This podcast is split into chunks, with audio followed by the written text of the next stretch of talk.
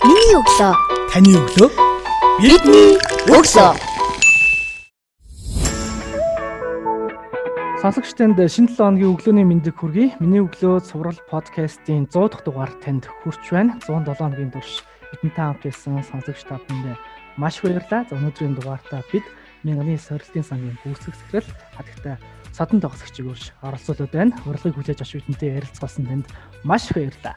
Нийт подкаст сонсогчдын зүгээс бас 100 дахь ойн дугаартаа таныг урьж оролцуулж байгаанаас нэр төрийн хэрэг тэгээ өнгөрсөн хугацаанд битээр ярьслага хийх гэж маш олон удаа цаг тавуулсан боловч аль алийнхын цаг завнд тохиролцохгүй явсны үндсэн дээр одоо 100 дахь дугаар дээр ингээд ирээд ярьсаж байгаа туйлаас таатай байна. Уламжлал болсон асуултаар өнөөдрийн подкастын ярилцлага эхлэе. Таны өглөө хэрхэн яаж эхэлдэг вэ? Та өглөө хэрхэн яаж эхлүүлдэг вэ? Баярлалаа гавнига. Тэгээ 100 дахь дугаараа ингээд өнөөдрийн хүртэл 100 одоо дугаарыг тууштай, тогтвортой хийж ирнэ гэдэг бол бас том амжилтын илэрхийлэл. Тэгээ 100 дахь дугаарт нь орох болж байгаадаа би баярлж байна. Тэгээд хамгийн гол нь та бүхэнд баяр хүргэе. Тэгээд цаашд нь амжилт хүсье. Цаашдаа хэмээж. Өглөө яаж эхэлдэг бол ердөө хүмүүс шиг л эхэлдэг. Өглөөс ирэл нэг муу зуршил бий болсон байгаа нөгөө шууд утсаа хардаг ямар мэдээ сайхан мэдээ байна ямар сайр мэдээ байна гэж хардаг. Тэгээ бид нар нөгөө одоо хийж байгаа ажлаасаа шалтгаалаад Америктай 12 цагийн зөрүүтэй. Тэгээ шөнө бол бид нар оройдоо мэдээллүүдээ явуулаад өглөө Америкаас мэдээлэл ирсэн байдаг. Тэгээ өглөө ирээл ер нь яг л мэдээ нэгээл утсаа барьж аваад нийлүүдэд хардаг. Тэр бол хэдийгээр сайн зуршил биш боловч а өглөө ажилдаа өөрийгөө бэлтгэхдээ түрүүнийхээ өглөөний сэрмэгцэн авсан мэдээлэлээ дотроо бодоод тунгаагаал тэгээ ирэхэд 8:30-аас 9 цагаас ажиллаа эхлэхэд заавал мэдсэн байх ёстой зүйлээ одоо бидний хувьд бол 12 цаг гэдэг бол асар үнцэнтэй хугацаа байна шүү дээ. Тэр өнгөрсөн 12 цагийн хугацаанд болсон өөрчлөлтүүдээ дотроо бодож тунгаагаад 9-өөс эхлэх уулзалтууд, хурлууд, зэрэг ажлуудаа тэр дээрээ тусгаал захирлуудтайгаа мэрэгчлүүдтэйгээ хурлуудаа хийгээл тэгэл гаднах контракторуудтайгаа болон нэн салтын корпорацийнхаа мэрэгчлэн захирлуудтайгаа ажиллаа тэгээд яриад эхэлдэг. Тэр өглөө бол хамгийн түрүүнд мэдээлэл авахаас эхэлдэг. Ашин төлөлтөө та юун дээр хөтэлдэг вэ? Голдоо нөгөө нэг э, цаасан дээр хөтэлдэг хүмүүс байдаг эсвэл орчин цагийн дижитал шилжилтийг дагаад аппликейшнууд ашиглаж байгаа төрлийн зочдч байдаг. Таны зүгээс.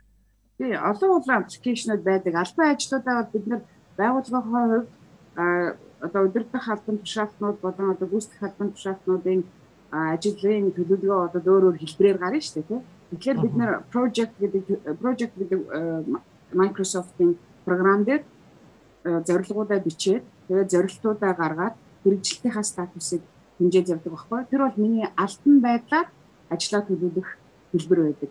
А яг одоо би бол нэгэн одоо гэдэг хуучин сэдвэн би цаасаар цаасан дээр өөрийнхөө юмнуудыг бол бичдэг төлөвлөдөг. А төлөвлөлтөй агтлан заавал нэг өөрийнхөө төлөвлөлтүүдаа энэ хүнтэй уулзахдаа эсвэл энэ ажлыг хийхдээ онцгой анхаарах зүйлүүд нь энэ гэдэг нэг хоёр үгээд нэг хоёр тэмдэглээд тэмдэглээд явдаг. Дээр нь би өөрөө бол нэг зураач хүн бол биш л гэхдээ би яг схемчилж бодож схемчилж зурж төлөвлөдөг. Тэгэхээр би миний төлөвлөгөөнүүд гэхээр аюул их схем зургууд л харагдах баг. Яг ингээд гоё гаргацтай жирэмсэн гар бичгээр ингээд дэлгэрэнгүй бичсэн зүйл биш. Ингээл нэг хоёр үсгээр маш товч.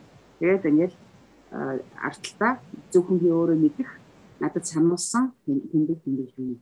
Таны удирдах буй байгууллага Монголын мягны сорилтын сан, Америк нэгдсэн улсын мягны сорилтын корпорацийн бусалгүй тусламжийн санхүүжилтээр Зовлонбаатар хотын ус хангамжийн асуудлыг шийдвэрлэх цогц төсөл хөтөлбөр хэрэгжүүлж байгаа. Тэгэхээр яагаад усны салбарыг онцолж байгаа вэ? Ер нь Монголын мягны сорилтын сан гэдэг бол мягны сорилтын корпорацтай Монгол улсын засгийн газрын 2018 онд байгуулсан буцалгүй тусламжийн хөрөнгөөр бий болгох ундны усны их усүрийн төслийг хэрэгжүүлэх тийм зорилго бүхий байгууллага юм байгаа юм. Тэгээ энэ 2014 оны сүүлээр Америкийн засгийн газраас Монголын засагт хандаад хандаад та бүхэнд хоёр дахь удаага компакт гэрээний санхүүжилт бүцгүү тусламж олгохоор боллоо гэдгийг биднэрт мэдээлсэн. Тэгээ энэ бол мэдээж монголчуудад бол маш таатай сайхан мэдээ байсан. Та бүхэн мэдж байгаа 2008-аас 2013 оны хугацаанд эхний компакт гэрээ анхны компакт гэрээ боловсруулагдаад хэрэгжсэн. Тэгээд тухайд бол Мянган сорилтын корпорац гэдэг нь 2004 онд байгуулагдсан Америкийн нэгдсэн улсаас хөгжиж байгаа орнуудад буцалтгүй тусламж олгох замаар өсөлтийн дэмжиж ядуурлыг бууруулах зорилготой ийм сайхан үйлсийг тэр байгууллага байгуулж эхлүүлсэн. Ер нь бол өмнө USA одоо ч гэсэн байгаа Америк олон улсын хөгжлийн агентлаг гэдэг байгаа. Тэр байгууллагаар хэрэгжиж байгаа төсөл хөтөлбөрүүд бол арай цомхон хэмжээний санхүүжилттэй. Тэгээд тодорхой айлны салбар дээр цөөн жил хэрэгждэг тийм төслүүд байдаг. Тэгэхээр Америкууд бол энэ хөгжиж байгаа ертөнцийн хөгжиж байгаа орнуудыг дэмжиж, томоохон дөрвтөөгөр дэмжиж гэсэн утгаар тэр байгууллагыг байгуулсан байлээ. Тэгээ 2008-аас 2015 онд эхний компакт гэрээгээр манайх 5 салбарт 6 төсөл хэрэгжүүлсэн байлээ. Тэгээд тэрийг 13 онд дуусгаад амжилттай дуусгаад та мэдж байгаа хөцөөр шойр сайн шандыг холбосон зам тэгээд мэрэгжил сургалт өдрийн төвүүдийг байгуулсан эрүүл мэндийн салбарт тодорхой хөрөнгө оруулалт хийсэн газрын бүртгэлийг бүртгэлийн тогтолцоог бий болгосон эдэргээд 40 50 40 50 сая ингээд нийтдээ 6 төсөл хэрэгжүүлсэн байна 5 төсөл хэрэгжүүлсэн байна л да. А хоёр дахь удаага өгнө гэдэг бол нэгдүгээр компакт гэрээний үргэлжлэл бол биш. А хоёр дахь удаага бол за монголчууд эхнийхээ компактыг амжилттай хэрэгжүүлж хөгжлийн дахиад цөмөрөө үргэлжлүүлээд боломжийнхаа хэрэг дэмжээ завь. Энэ бас бол залуустай хөрөнгө оруулалт юм байна.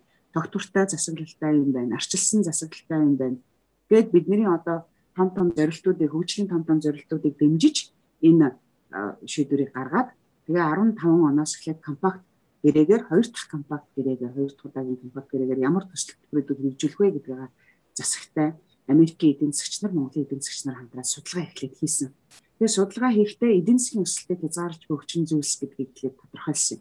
Ингэхдээ Монгол улсын ойрын 10 20 жилийн хөгжлийг юу гацаагаад байна? Яавал Монгол улс хурдтай чанартай өсөх үү гэсэн судалгаа хийсэн. Тэрүүгээр бол манай өсөлтийг хязгаарлаж байгаа хэд хэдэн том томоохон хүчин зүйлүүд байсан. Нэгдүгürt бол Монгол улсын эдийн засаг төрөлжөөгүй. Зөвхөн уул уурхаан салбараас хараад үйлчлэгээний салбар томоо том юм шиг боловч үйлчлэгээний салбараас нийгэм бүтээж байгаа нийгэмд оруулж байгаа мөнгөн болон одоо бусад мөнгөн бус өгөөж нь бол бага байна. Тийм учраас эдийн засгийг бодит эдийн засгийг төрөлжүүлэх ёстой. Хоёрдугаар бизнес орчин микро орчиндөө бизнесийг бид нэр дэмжих ёстой. Бизнесийг дэмжихийн тулд бодлого бизнесийн орчин хоёр хоорондоо үл зохицолдож байна макро микро эдийн засгийн бодлогод хоорондоо үйл хацлагдж байна гэсэн. Гуравдугаар Улаанбаатар хотын агаарын бохирдол ойрын жилүүдэд дан ганц эрүүл мэндийн салбарт биш нийт эдийн засгийн салбарт томоохон дарамт учруулах нэ. Агаарын бохирдлыг сайжруулахын төлөө зоригтой хөрөнгө оруулах хэрэгтэй. Дөрөвдүгээрт Улаанбаатар хотын ундны усан хангамж ойрын 5-аас 10 жилийн хугацаанд томоохон дарамт. Нийгэм ялангуяа энэ асуудлыг яаралтай шийдэхгүй бол наандж 5 жилийн дараа тохиолдож одоо 2015 он шүү дээ наандаж 5 5-аас 8 жилийн дараа энэ усны гачаалтаа учирч болцшгүй гэсэн. Тэгээ цаашаа ингэж өрөмдлээд явсан. Тэгээ засаг дээр ярьж байгаад эдийн засгийг солонгоруулах гэдэг юм эдийн засгийг төрөлжүүлэх замаар төсөл хэрэгжүүлье. Хоёрдугаарт агаарын бохирдлыг бол бид нэр тодорхой хэмжээний одоо утаагүй тийшээдэргээд өөр шийдлүүд байгаа. Усны салбар руугаа орё гэсэн өсөлтөө манай Монголын засгийн газрын нэмэлт тавиад тэгээд усны салбар макро эдийн засгийн төрөлжилт рүү орсон. Гэтэл Америкийн нэгдсэн улсаас макро эдийн засгийг төрөлжүүлнэ гэдэг бол асар их хэмжээний хөрөнгө оруулалт шаардлагатай. Бидний одоо та бүхэнд өгөхөөр төлөвлөж байгаа 250 сая доллар хүрэхгүй. Тэм учраас энэ чиглэлээр тань өөрсдөө бодлого хэрэгжүүлэх ёстой. Усны салбар руу ч орж үзье. Тэгээ усны салбарын Улаанбаатар хотын удны усны судалгаа хийж үзсэн. Тэгж яагаад үнэхээр одоо хаанаас ямар их усүр авч болохоор байна? Хаана их усүр шинээр байгуулад хаана усын хэмнэлтийг бий болгоод хаана цэвэр усыг дахин боловсруулсан усаар орлуулж болохоор байна гэдэг маш гүн гүнзгий судалгаа хийж агаад Улаанбаатар хотын ундны усны хангамжийг нэмэгдүүлэх гэсэн том зорилготой ийм төсөл компакт гэрээ боловсруулад тэгээд 18 онд үүнийг батлаад 19 оны 1 сард их хурлаар оруулж сөрхөн батлуулаад олон улсын гэрээгээ батлуулна. Тэгээ 19 оноос эхлээд энэ компакт гэрээгээ хэрэгжүүлж эхэлж байгаа. Тэгээ компакт гэрээний хүрээнд 3 том төсөл хэрэгжинэ. Нэгдүгээрт нь яг жинхэнэ цэвэр нөгөө ундныхаа усны нийлүүлэлтийг нэмэгдүүлнэ.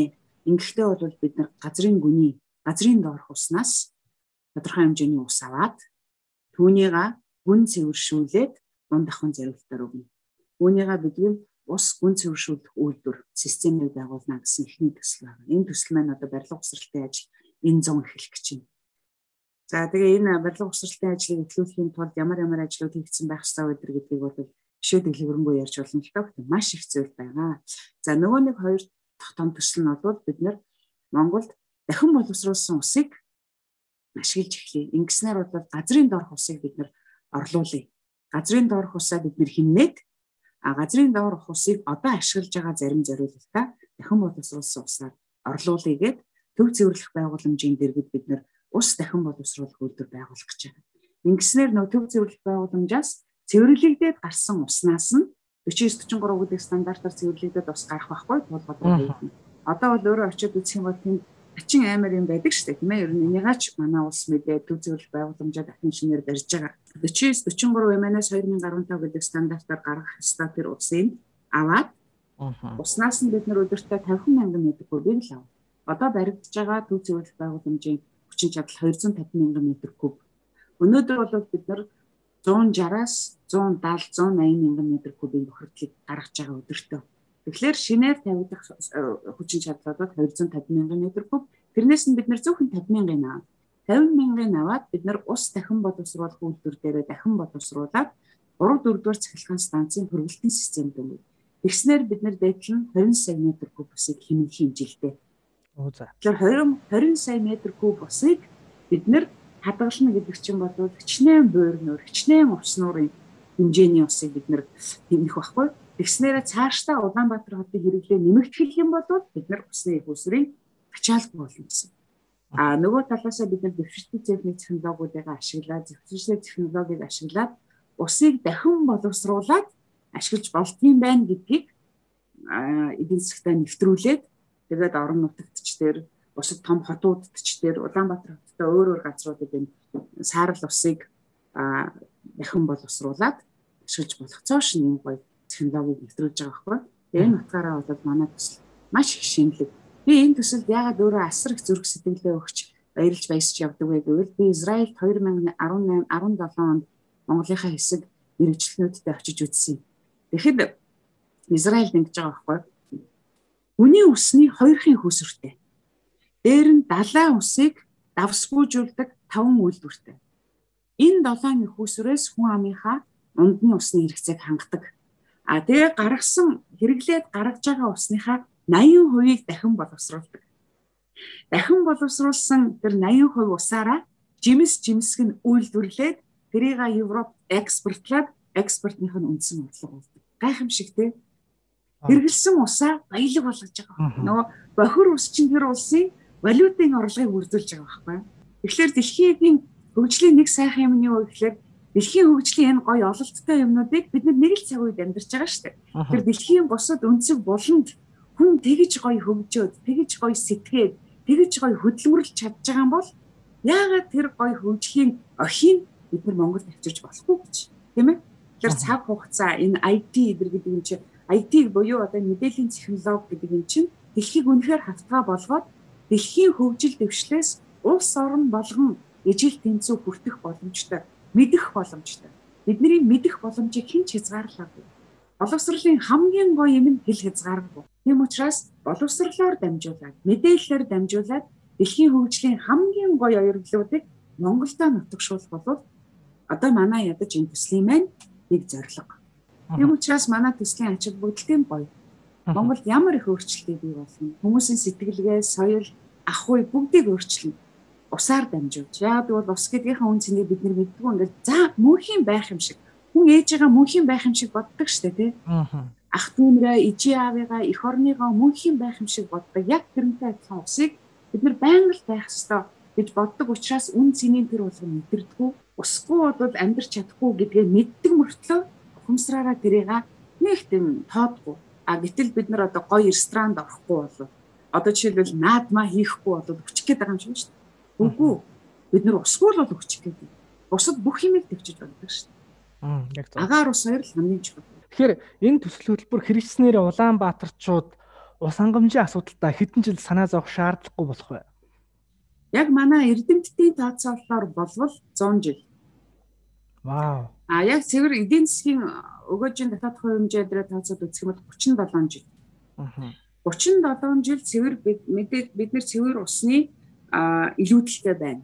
А 37 жилийн хугацаанд үр ашгийн 100 жилээр 150 жилээр тогтвортой болохыг гэх юм бол өнөөдрийн төслийн маань үр дүнгээр бид нар усныхаа соёлыг, усныхаа хандлагыг, усныхаа эдийн засгийг өөрчилж ээж усны эдийн засаг буюу water economics гэж бас хөл бүтэн шинжилгээ ухаан байна. Усныхаа эдийн засгийг бид нэр өөрчилж энэ 100 жилийн турш доктортой хадгалж чадна. Тэгэхээр өнгөрсөн 5 жилийн хугацаанд тантай уулзаагүй би 5 жил боллоо гэж байна. Маш их ажлыг завгүй байсан шалтгаануудыг одоо ингээд шалтгаануудаа би хариулт авч байна л та. Тэгэхээр маш том байгуулалтыг их орондоо хийж хэрэгжүүлж байгаа юм байна. Тэгэхээр энэ дэд бүтцийн бүтээн байгуулалтанд бусад дотоодын компани аж ахуй нэгжүүд оролцох боломж юу нэр байгаа вэ? Тийм байлгүй яг. Одоо бидний манай багийн нэг том зорилго юу вэ гэхээр энэ ус гүн цэвэршүүлэх технологи, ус дахин боловсруулах технологи Монголд шинэ гэж одоо хэлээд байгаа боловч шин нэмийг бид нар мэдээж гадаадын технологиор, гадаадын инженер э, менежментийн арга барилаар Монголд хэрэгжүүлэх боловч эндээ болж игэл Монгол агуулгыг Монгол контент гэж ярьдаг тийм Монгол агуулга, Монгол орц, Монгол хүний оролцоог аль болохоор төлхөө хангах тал дээр ажиллаж байгаа. Тэгэхээр үнэхээр одоо Монголд өмнө нь ус гүн цэвэршүүлэх үйлдвэр байгаагүй. Ус дахин боловсруулах үйлдвэр байгаагүй учраас бид нар олон улсын хамгийн чадал чансаатай компанийг оруулж ирэх үүднээс олон улсын тендер зохион байгуулдаг. Нээлттэй олон улсын шударга юм. Тэнд нь нөгөө аюу том техникийн, технологийн, инженерингийн санхүүгийн том босгууд тавьдаг учраас Монгол компаниудад бие дааж үндсэн гүйцэтгэгчээр орж ирэхэд хэцүү байна. Тэрийг бид аюу сайн ойлгож байна. А гэхдээ үндсэн гүйцэтгэгчийн туслан гүйцэтгэгч гэдэг том компаниудын бас орон зай байна. Тэндээ бид нар монголчуудыг оролцуулах хуулийн хүсэл байна. Тэр ч утгаараа бид нар байнгын энэ юунуудыг онлайн хурлуудыг одоо хийж байгаа. Монгол компаниудтай хандаад мэдээж гадны компани Монгол компаниудыг бид ялгарлан гадуурхгүй. А гэхдээ Монгол компани энэ мэдлэг шингэж үлдэх ёстой. Монгол хүнд энэ чадвархан шингэж үлдэх ёстой гэдэг утгаараа Монгол компаниудад төлхөө оролцуулах үүднээс энэ олон вебинаруудыг үе хийдэг. Тэднийг бид нэр вебсайтаараа зарлаа завдаг. Тэгээд энд бэлтгэн нийлүүлэгч гэхээр ингээд бүх бүх бэлтгэн нийлүүлэгч туслан гүйцэтгэгч нар орно шүү дээ. Барилгын ажлын туслан гүйцэтгэгч, бараа материал нийлүүлэх туслан гүйцэтгэгч, байгаль орчны үнэлгээ хийх туслан гүйцэтгэгч, дулааны шугам сүлжээ, цахилгааны шугам сүлжээг зурах, дараа нь барьж ухсрах гүйцэтгэгчид гэдэг зөндөө олон монголчуудын оролцох орон зай байгаа. Шаардлага нь өндөр босго шаардлага санхүүгийн болон инженерингийн туршлагын тусгал их өндөр. Энэхүү хоёр үйлдвэр ашиглалтанд орсноор хичнээн хүнийг ажлын байраар хангах вэ? За ажлын хүчийг бэлтгэх за мөн бэлэн байлгахтал дээр ямар төлөвлөгөө байгаа вэ? Усны салбарт ажиллахаар суралцж байгаа олон залуучууд бол байгаа шүү дээ, тийм. Тэгэхээр эдгээр залуучууд та юуг захих вэ? Яг зөв, яг зөв асуулт. Гэхдээ ер нь бол манай энэ хоёр том үйлдвэрээр ихээхэн хэмжээний ажлын байр нэмэгдэн гэж хэлэхгүй аягүй олон ажилтнуудад автоматар явж байгаа. Тийм ээ. Тэгэхээр энэ бол мэдээж хоёр шинэ үйлдвэр байгуулагдаж байгаа гэдэг гараа бодвол сухай тухайн салбартаа буюу Улаанбаатар хотын нийтийн аж ахуйн салбарт за өсрөөл нэг 100-аас 200 хүний ажлын байр нэмэгдэнэ. Одоо яг одоо үйлдвэрүүдэд бариад 24 он 25 онд бид нар хоёр үйлдвэрээ бариад ашиглалтанд оруулна. Тэгэхэд бол хоёр үйлдвэрт маань нийлээд 150 орчим хүн л ажиллана. А гэхдээ тэдгээр нь ямар хүмүүсүүд байх ёстой вэ гэвэл усны салбарын инженер техникийн ажилтнууд байна. Яг ойрын өдрүүдэд бид нар шинжлэх ухаан техникийн их сургуулийн ус усны геологийн геолог гэхээсээ илүү инженер техникийн ангийн оюутнууд а дээр мэрэгжил сургалт үйлдвэрийн төвүүдийн энэ бас инженер техникийн ангийн оюутнууд эдгээртэй эдгээрийн удирдлагуудтай бид нар төлөвлөгөө хийгээд уулз тэгээд явна. Ингэхдээ одоо дээрүүд бас сантехникийн мэрэгжил нь бол нэг хэсэг модноос гарсан байсан шүү дээ. Слесар сантехникийн ажил. Одоо бол энэ сантехникчдийн сантехникч инженеруудын ажлын байр бол ихээр нэмэгдэнэ. Манай хоёр үйлдвэртэй зэрэгцээ төв цэвэрлэх байгууламж бас ашиглалтанд орно. Төв цэвэрлэх байгууламж, ус гүн цэвэршүүлэх үйлдвэр, ус дахин боловсруулах үйлдвэр гэдэг энэ гурван үйлдвэр зэрэг ашиглалтанд орохлоор мэдээж ус хангамжийн салбарын оюутнууд маш олон оюутнууд ажилтаа болно. Тийм учраас одооноос энэ ихтэй сургуулиудын усны салбарын инженер техникийн ажилтнуудыг бэлтгэдэг сургалтын хөтөлбөр хөтөлбөрийг бид нэр эргэж харах хэрэгтэй болон дээр нь яг нөө элсэлтүүдтэй ч гэсэн элсэлтэй авахтаа хүртэл яг энэ чиглэлээр бид нэг төлөвлөгөөтэй боловсон хүчнээ бэлтгэх хэрэгцээ яг ус усыг үүсэж байгаа гарч байгаа. Тэгэхээр энэ ажил одоо ингээд хийгдэж явж байна хийгдээд яг 2024 оноос бол усны салбарын олон инженерууд Монголд ажил эрхэлдэг болно. Ур чадварын тухай танаас асуух асуулт байна. Хувьд байх ёстой хамгийн чухал чадруудыг нэрлэеч. Гурван чадрыг нэрлэеч гэвэл та ямар гурван чадрыг нэрлэх вэ? Яагаад бас энэ гурван чадрыг сонгож байгаа вэ? За орчин цагт тэр дундаа залуучуудад хэрэгтэй байгаа гурван чадрыг гэж асуувал. Чадвар зам чанар хоёр бол өөр тийм ээ. чадвар гэдэгт бол хамгийн нэгдүгээр сонгосон мэрэгжилтэй онцгой гойд сайн байх хэрэгтэй. Инженер гэж байгаа бол инженерийнхээ ажлыг маш сайн мэд. Зураач гэж байгаа бол зураачийн ажлыг маш сайн хий. Эмч гэж байгаа бол эмчийнхээ ажлыг маш сайн. Буюу өөрөө өөртөө эзэн болж авсан боловсролынхаа жинхэнэ тэр гэрчлэгээ нотлох хүн чинь өөрөө. Тийм учраас сонгосон мэрэгжилдээ үнэхээр сайн байх хэрэгтэй. Өөрийгөө хуурч. Нэг юм чаддгүй байх юм бол зөвхөн өнөөдрийн маргаашийн багшиг юм уу дүнг аргалах гэж биш. Өөрөө өөрийнхөө төлөө сурах хэрэгтэй учраас мэрэгжлийн сонгосон мэрэгжлээрээ гайхамшигтай ур чадвартай байх хэрэгтэй. Хоёрдугаар шинэ нөхцөлд насан цогцож амьдрах ур чадвартай байх хэрэгтэй. Жишээлбэл зарим хүүхдүүд бол хитрхи татгшаагаа байдаг. Зарим хүүхдүүд хитрхи гадагшаагаа тэгээд одоо янз янзын ажлын орчинд ороод ирэхлээр барьц алдна тий авих тийм айн твдэн өөрийгөө бүрэн дүүрэн дайчилж чадахгүйгаас гадна өөрийгөө хамт олондоо бүрэн дүүрэн таниулахгүй байж чадна. Тийм учраас хүний энэ дасан зохицох ур чадвартай буюу коммуникацийн ур чадвар маш өндөр байх хэрэгтэй. Өөрийгөө илэрхийлэх ур чадвар. За тэгээ гуравт нь бол хамгийн чухал ур чадвар бол гадаад хэлний ур чадвар хэрэгтэй ялцчихгүй. Гадаад хэлээр бол гайхамшигтай гадаад хүн шиг ярих гэдэг бас хэрэггүй тийм биш байж болно. Гадаад хэл сурна гэдэг өөртөө асар өндөр босго тавиад аа тэгээд дандаа өөрөөрөө тэр босготой хүрч чадахгүй болохоор ингээд сэтгэл хөдлөмбө бас байж болохгүй. Тийм учраас за эхний 5 жилдээ би өөрийгөө өөрийнхөө хүссэн энийг гадаад хэлээр мэддэг болоод сурчээ. Дараагийн 5 жилдээ би хүссэн юмаа бичиж чаддаг. Тэгээд хийсэн ажилдаа дүн шинжилгээ дүн шинжилгээ их ур чадвартай. Англи монгол хэл дээрээ ч юм уу, орос монгол хэл дээрээ ч юм уу, хятад монгол хоёр хэл дээрээ ч юм уу. Адилхан төвшин монгол хэл гадаад хэл хоёрыг эзэмшээд хамгийн гол нь дүн шинжилгээ хийж бичих чадвартай болсон. Гадаад хэлний ам болон бичгийн ур чадвар. Ийм гурван ур чадварыг л нэрлэнэ. Таны зүгээс нэг хэл сурсан өөрийнхөө арга барилын тухайд биднэрт лекцээр яриа өгчээсэн шүү дээ. Тэгэхээр бидний сонсож байгаа яг энэ бай сонсогчдын дийлэн хувийг 18-аас 22 насны яг энэ сурах хүсэл эрмэлзэлтэй залуучууд их сонсож байгаа болохоор яг одоо зөвхөн англи хэлээр хязгаарлагдахгүйгээр 3 дахь орны хэл, 4 дахь орны хэлийг сурсан байх зайлшгүй шаардлагын цаг үед байгаад бий болчихсон байгаа. Тэгэхээр таны яг англи анхлан сурж исэн, та эсвэл Япон, Солонгос хэл сурж байгаа гэд хэлж исэн шүү дээ. Тэгэхээр сурах арга барилаасаа бусад бидний сонсож байгаа сонсогчдод хуваалцаач их сонирхолтой арга барилыг эзэмссэн байсан. Орс хэлийг би бол э, Орос сургуульд орж сурсан тийм ээ. Нэг ихээр ингээд Орос сургуульд ороод тэгээ Орос 10 жил төгсөөд тэгээ Орос Монгол хэл дээр бол гэртээ монголоор сургууль дээр орсоор яг Орос хүүхдүүдтэй тэр зөвлөлтийн 14 дугаар сургууль гэж байсан. Тэгээ монгол хүүхдүүд нь бас нэг олон ч биш. Эхлээд бол би зөвлөлтийн 1 дугаар сургууль гэж байсан. Гүр хамгийн анхны Орос сургууль 8 жилийн сургууль байсан. Тэгээ тэнд би 6 дугаар ангид төслөө сураад Тэгээд дараа нь 7 дугаар ангиас зөвлөлтийн 14 дэх шилжээд явсан.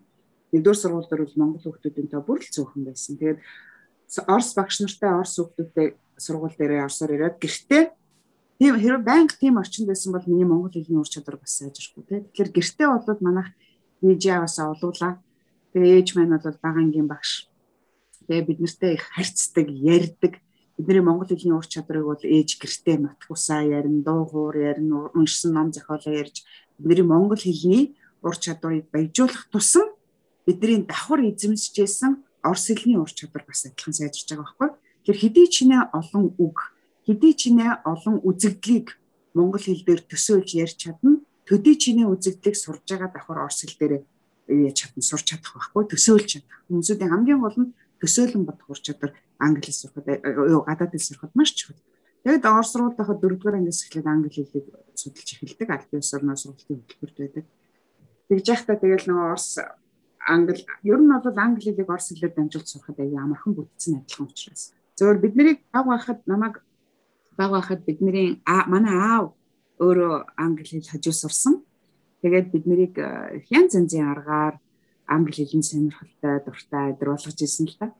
Тэгээд аав өөрөө Америкийн анчтад орчуулагчаар явдаг. Тэгээд тэр анчт нь эрэхтэй ингээд аав гой гой илгэрийн номнууд өгдөг. Тэгэл тэр номуудыг бид нэр Орос номтойгоо харьцуулж үзэн өсгнүүд нь буруу харцсан юм шиг нэг сонин харагдана. Тэгээд нэг бидний аюу гой хүүхдийн сонирхлыг өдөөгөөд тэгээд энэ номны цаана юу гэсэн утгатай юу байдаг юм бол гэж сонирхсоор байгаа дөрөвдүгээр ангиас англи хэлэндээ би бронцгой сонирхолтой хөхтэйсэн. Тэгээ онцгой сонирхолтой хүн чинь тэр хичээлд улам их анхаардаг. Тэгэл ахлах ангид орлоо.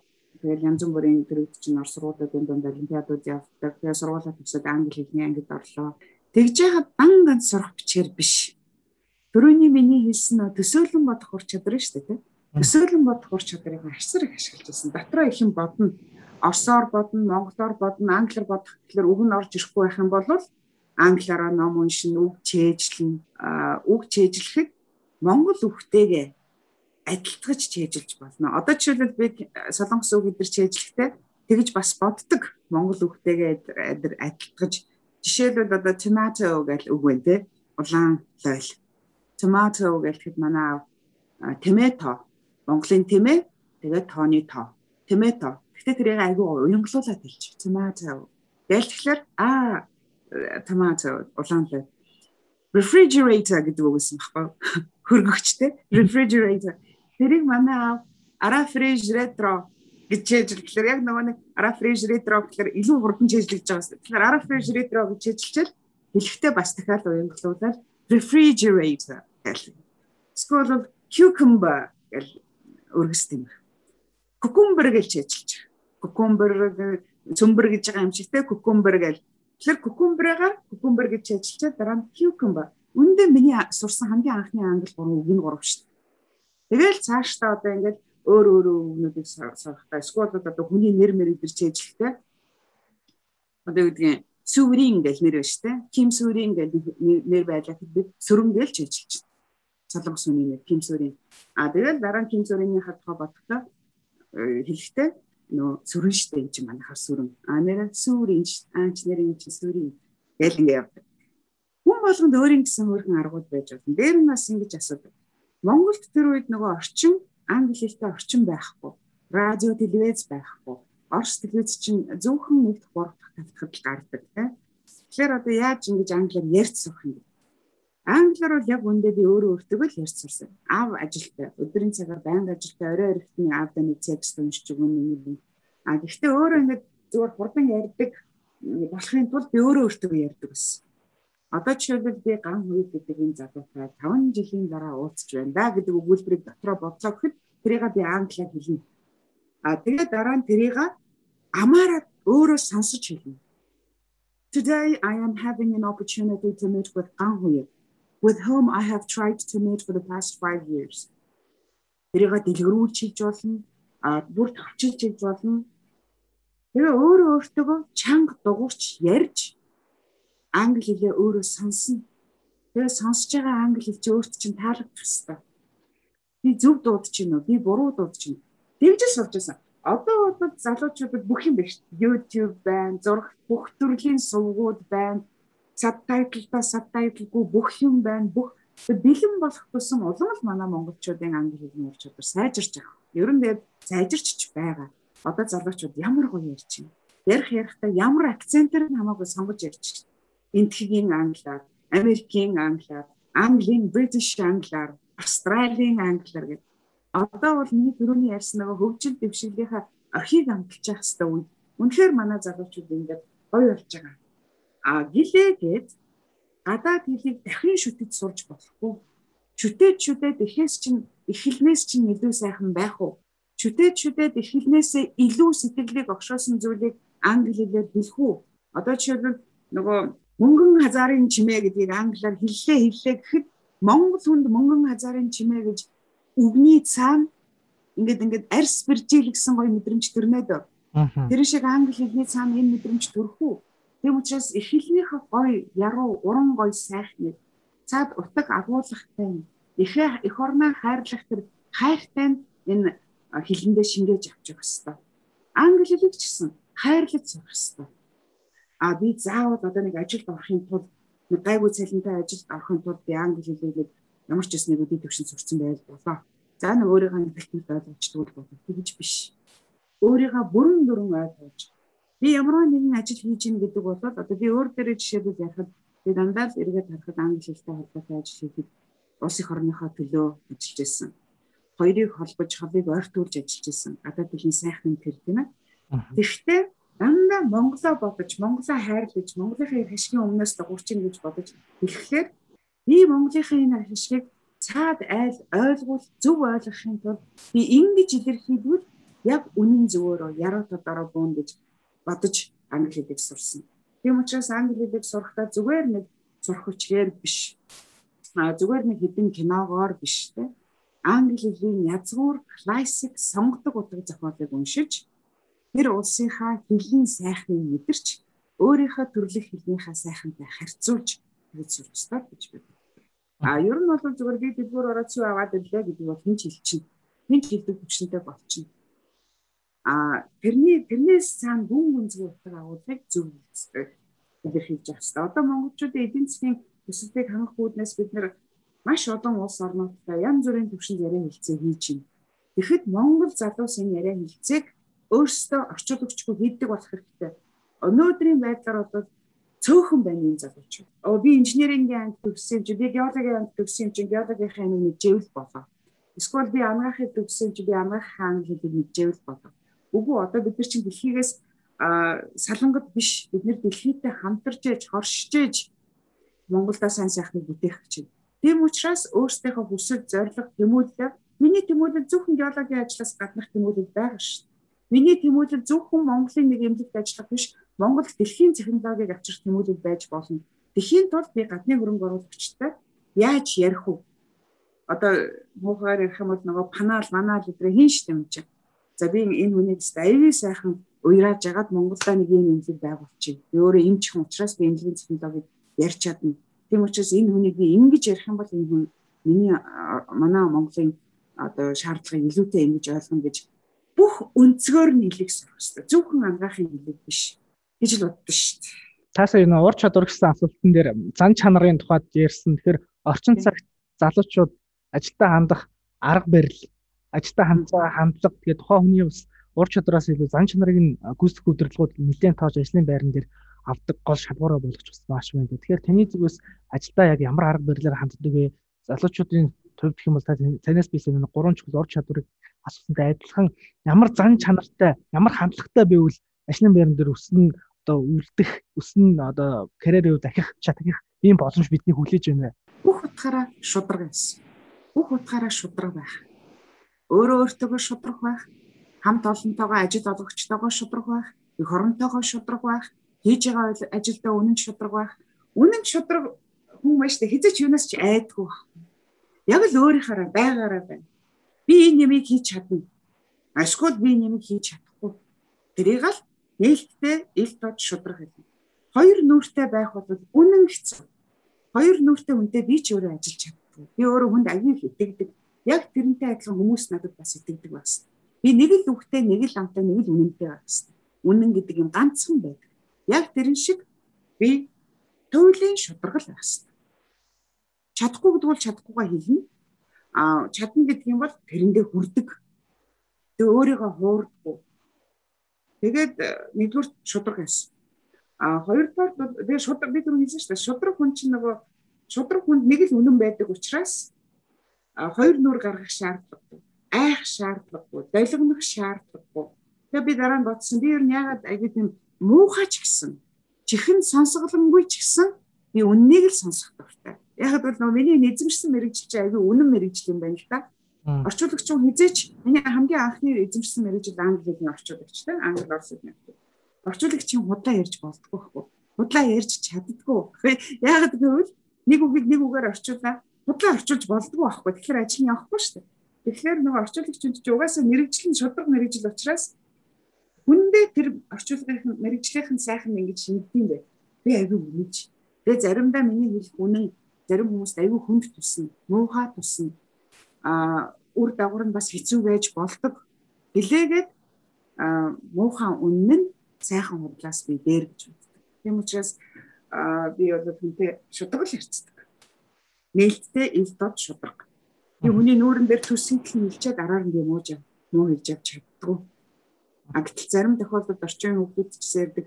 За бараг л одоо тоглонгийн газар тоглон, сохрын газар сохрон байх, сохор байх хэрэгтэй байна гэж бодлоо. Тэг ингээд өөрийгөө бас хэтэрхий хуурамч дүр эдэр үүсгэх шаардлага эдэр гардаг эдэр гэж байна. Би тэрнтэй нийлдэхгүй санал нийлдэг. Хүн хизээч шудраг байж болдог, чаддаг. Аа тэгвэл тэгээ шудраг хүн чинь өөрөө бусад хүмүүсүүдээ яг ингэ нөлөөлөөд бүгд шудраг байж чаддаг болдог байхгүй. Ялангуяа жишээлбэл байгууллага удирдах байгаа хүн худалдаж байх юм бол байгууллага тэр чигээр худалдаж. А миний дотор миний хамт олон дотор одоо худалдаж биш юм а гэхэд бас ингээд айсандаа имээсэндээ ч гэдэг юм ингээд эвтэйхэн имийг аргалаад худлаа хэлчихдэг хүн байх юм бол нэг юм өнгөрлөө, хоёр удаа өнгөрлөө, гурав дахь өнгөрдгөө. Тэгэхээр удирдлага хэдий чинээ зөв байна. Хэдий чинээ шудраг байна, байгууллага тэр чигээр шудраг болж чаддаг. Яг тэрнтэй адилхан улс орон бас тийм баггүй Мэдээж улс орныг байгууллага удирдах байгаа юм шиг компани удирдах байгаа юм шиг удирдах болохгүй л дээ. А гэхдээ улс орны одоо тэр бидний гоё монгол үгээр ярьдаг нь бол улс орны хиймэрлэндаа. А эсвэл улс орны хөгжлийн хитийн тэр өнг байна шүү дээ. Юунаас шалтгаалдаг вэ гэхээр мэдээж ард түмний ерөнхий одоо тэр ноён нуруу зовлон үүрэх чадвар, жаргалаа даах чадвараас шалтгаалдаг боловч аюул чухал хүчин зүйл удирдлага лидерүүдээс шалтгаалдаг шүү дээ. Хэрэг бол хүн төрөлхтний тэр чигээрээ л мэдж байгаа түүхээр нотолчихж ирсэн. Тэр шиг ямар ч хүн шудраг байвал нэгдүгээр гоё. Хоёр дахь зам чанар бол энийг одоо зам чанар гэх үү, ур чадвар гэж хэлэх үү би мэдэхгүй байна. А гэхдээ цаг хугацааны мэдрэмжтэй л байх хэрэгтэй. Цаг хугацаагаа аюун сайн мэдэрдэг хаана хизээ байх ёстой, хаана хизээ байх ёсгүй, хаана хизээ юу гэж хэлэх үү, юу гэж хэлэхгүй байх вэ? Цаг хугацааны мэдрэмжтэй байх хэрэгтэй орон зай цаг хугацааны мэдрэмж. Энэ одоо түнд аягүй сайн чанар гэж үздэг. Дээр нь хүн халуун сэтгэлтэй байх хэрэгтэй. Бүтэн сэтгэлтэй биш. Цэвдэг биш. Орсын нөгөө Мая хатас край гэдэг чиглэл одоо төмөр болж хахад оо манай гэр хотын тосгоны захад байдаг учраас би төмөр унтраахад оролцохгүй ч гэдэг. Хүний төлөө зохилох зүрхтэй. Халуун сэтгэлтэй байх хэрэгтэй. Халуун сэтгэлтэй хүний төлөө зохилох зүрхтэй хүн чинь өөрийнх нь амьдрал ядаж дүүрэн байдаг. Нэг хүнд нэг жоохон баяр баясгалантай сайхан хийжлээд өөрөө баясаа явчихдаг. Өөрийгөө дотгошоо хумж, бэлчээрээ хумж, юмаа харамлаж, хуваалцахгүй нууж амьдрдаг хүний амьдрал гэрэлгүй байдаг гэж би боддог. Тэм учраас жаргалтайч байсан, зовлонтойч байсан, хүнтэй аюу гой халуун сэтгэлээр харьцдаг. Хурмаг сэтгэл байцдаг. Тэгээд одоо би бас тэр юутай бол үзэлтэй санал нэгддэг. Хүнийг бол ажилд авахтаа тийм ээ тий ур чадвар болж чухлаа. Инженерингийн боловсруулах чухал. Мэдээж эмч хүнийг эмчийн ажлыг эмчлэх хүн хийн тийм ээ. А гэхдээ ур чадвар байгаас баг илүүтэй надад бол сэтгэл хандлага нь зүг байх хэрэгтэй. Боловсралтай хүн буруу сэтгэлтэй байх юм бол боловсрал нь гаж нөлөө үзүүлнэ. Боловсралгүй боловч сэтгэлтэй хүн байх юм бол боловсралтай болно. Тэгэхээр зөв боловсрол зөв хандлагатай зөв сэтгэлтэй байх нь хамаагүй илүү өгөөчтэй. Боловсралтай байгаад буруу хандлагатай байснаас боловсралгүй байгаад зөв хандлагатай байсан дээр гэж байна. Таны хамгийн сайн зөвлөгч хэм бэ? Хамгийн сайн зөвлөгч юм бэ гэхээр одоо ер нь зөндөөл хүн л бий л дээ.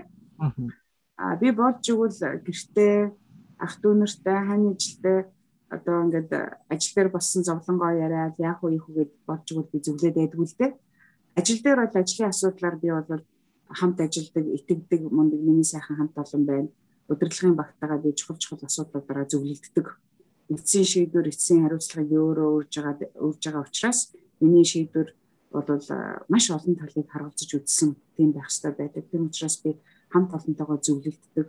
А миний хамт олон залуу мөртөө ямар сайхан бүтээлч бөгөөд чадaltaй гоё сэтгэлтэй тийм гоё хамт олон байдаг гэртээ ирээд би бас нөхрөөсөө асар их тийм сэтгэлийн дэм авдаг. Миний ээж надад бол яг л хүний ээж ямар байдаг яг л тийм шүү дээ. Ээж бол намайг харцаар мэдэрдэг. Миний дуу хоолойны өнгөөр мэдэрдэг. Тэгээ миний ээж бол 8 хүүхэд төрүүлж өсгсөн Монгол улсын гаяат багш. Би тэгэхээр ээж маань бол надад үнэхээр миний амьдралын ноён оргил аав маань бас яг тийм байсан байсан гэж одоо ч байдаг би аавыгаа бол зүрх сэтгэлдээ том сургуулгаад босгоцсон тээж явдаг дотроо миний аав 2007 онд байсан. Тэгээ би аав чиртэйгээ дотроо их явдаг. Ээж минь бол одоо сайхан 80 тавтай сайхан хөшин байна. Ээжээсээ би айн имэн. Баг жоохон байхдаа яаж л ээжээсээ айдаг гэсэн тэр шигээ айж имэж хүнд ээжээ хажууд хэлэхгүй гэж үг байна тийм ээ. Цензур бол байна байна. А тэгвэл бас ээжтэйгээ өдий хүртэл хамт яваа биш. Эсвэл бол ганцаараа найз нөхөд цөөхөн хамт олонгүй ч гэдэг юм уу тийм хүмүүсүүд ч гэсэн бас байж болно шүү дээ амьдрал зөндөө байж болно. Жишээлбэл тэр хүмүүсүүд таанаас зөвлөө авдаг гэж асуу. Асууж бас болно тийм ээ. Тэгэхээр би бол юу гэж боддог вэ гэхээр ном хамгийн том зөвлөгч ном. Номтой хэрэлдэхгүй, номтой зодтолдохгүй тий. Ном номын өдөс жон жон гэдэг ахгүй шүү дээ. Тэгэхээр миний уншиж байгаа номноос би асуултынхаа хариултуудыг олдог. Зарим номыг 10 удаа уншина. Зарим номыг 1 хэн удаа уншихад хангалттай.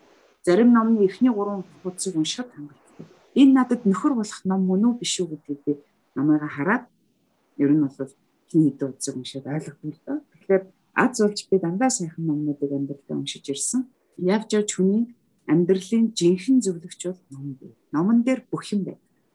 Харин зөв номоо олж гинөө үгүй юу гэдгээс шалтгаална. Жишээлбэл аюул том эдийн засгийн асуудлын хариуг би үлгэрийн номноос олж болно.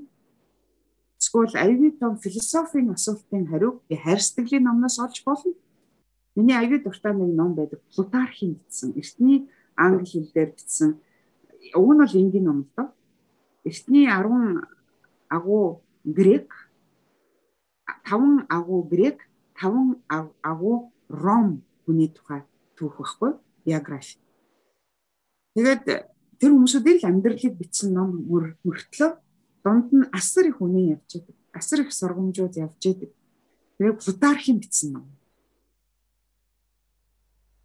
Аа тийм учраас залуучууд бол номноос л бүх асуудлуудынхаа хариуг хайж ирсэн дээ тийм. Ном ер нь аюу гоё юм шүү. Аюу гоё найз. Нэг уншигнаа байдгүй. Гэхдээ аюу хэрэгтэй, аюу хантай. Тийм найз. Гэлээгээд ингээд байнгын ном руугаа ороод э, бодит амьдралаасаа хайж болохгүй шүү дээ. Тэгэхээр миний одоо амжилт миний багш, миний алдаа, дутагдал, миний ялалт миний багш. Тэр болгоноос л өөртөө зөв дүгнэлтэйгээ л байх гэж боддог. Амжилттай эрдэж болохгүй ялалттай ундаж болохгүй юу ялагдaltaа би ялагдчихлаа гэдээ урвайж болохгүй энэ ялагдлаас мэдээж надад нэг том сургамж үлдсэн л байж дараа гэдгийг ойлгох юм ухаантай байх. За маш их баярлалаа. Бидний ярилцах цаг энд хүрээд өндөрлөж байна. Подкастэнд оролцож байгаа зочид болгон нийгэм чиглэгдсэн бидний сонсож байгаа залуучуудад зориулаад эрг өөрчлөлт авчрах уриалгыг төвшүүлдэг. Таны зүгээс залуучуудыг юунд уриалах вэ? Залуучуудыг хоёр юмд л уриалмаар юм. Нэгдүгээр усаа хайрлан хамгаалъя. Усаа гамтай идлээ, усаа хайрлан хамгаалъя. Улаанбаатар хотынхаа усыг дэмжин тэтгье. Тийм тийм учраас хаягдл усны бохирдол хаягдлыг битгий усны бохирдол хаягдлыг хүсэр байгаарэ. Усны бохирдлыг бууруулаарэ, түүнд хөв нэмэр оруулаарэ. Хоёрдугаарт аюу гой өөрөө өөртөө үнэн шудраг хөрвөх чадвартай англи монгол хэлний ижил төвшний өндөр ур чадвартай. Тийм залуус байцгаая. А би нэг зүйл хэлэхэд гамига орос хэл гоё, франц хэл гоё, хятад хэл гоё, япон хэл гоё. Гэхдээ яг өнөө цаг үед дэлхийг мэдрья гэх юм бол нэн төрөнд монгол хэлний дараа англи хэл байгаа шүү. Орос хэлийг бол сэтгэлээ чимтгэж, нүднийхээ хараа сэтгэлгээний бүрээг тэлэх гэж орос франц хэлийг сурч болно. Солонгостой бизнес хийх гэж солонгос хэл сурч болно. Японуудыг илүү ойлгох гэж япон хэл сурч болно дэлхийг илүү таньж мэдрья гэх юм бол англи хэлийг чухал байгаа. Монголд хүүхэд болгон англи хэлийг хобби төгссөн ч юм уу, Америкийн сургууль төгссөн ч юм уу, тэм төвшин сурах боломж байхгүй. А гэхдээ хүүхэд болгонд эрхэн байгаа. Тийм учраас англи хэлийг заавал англи сургуульд сурдаггүй. Англи хэлийг зөрөх сэтгэл байх юм бол гэрээсээ ковидын карантинд байхдаа сурж болдог. Тийм учраас англи хэлтэй монгол хэлээ гайхамшигтай соёлоо сайхан тээсэн усан усаа хамгаалсан усны соёлтой тийм нэг сайхан залууг гаргасаа гэж хэлж байна.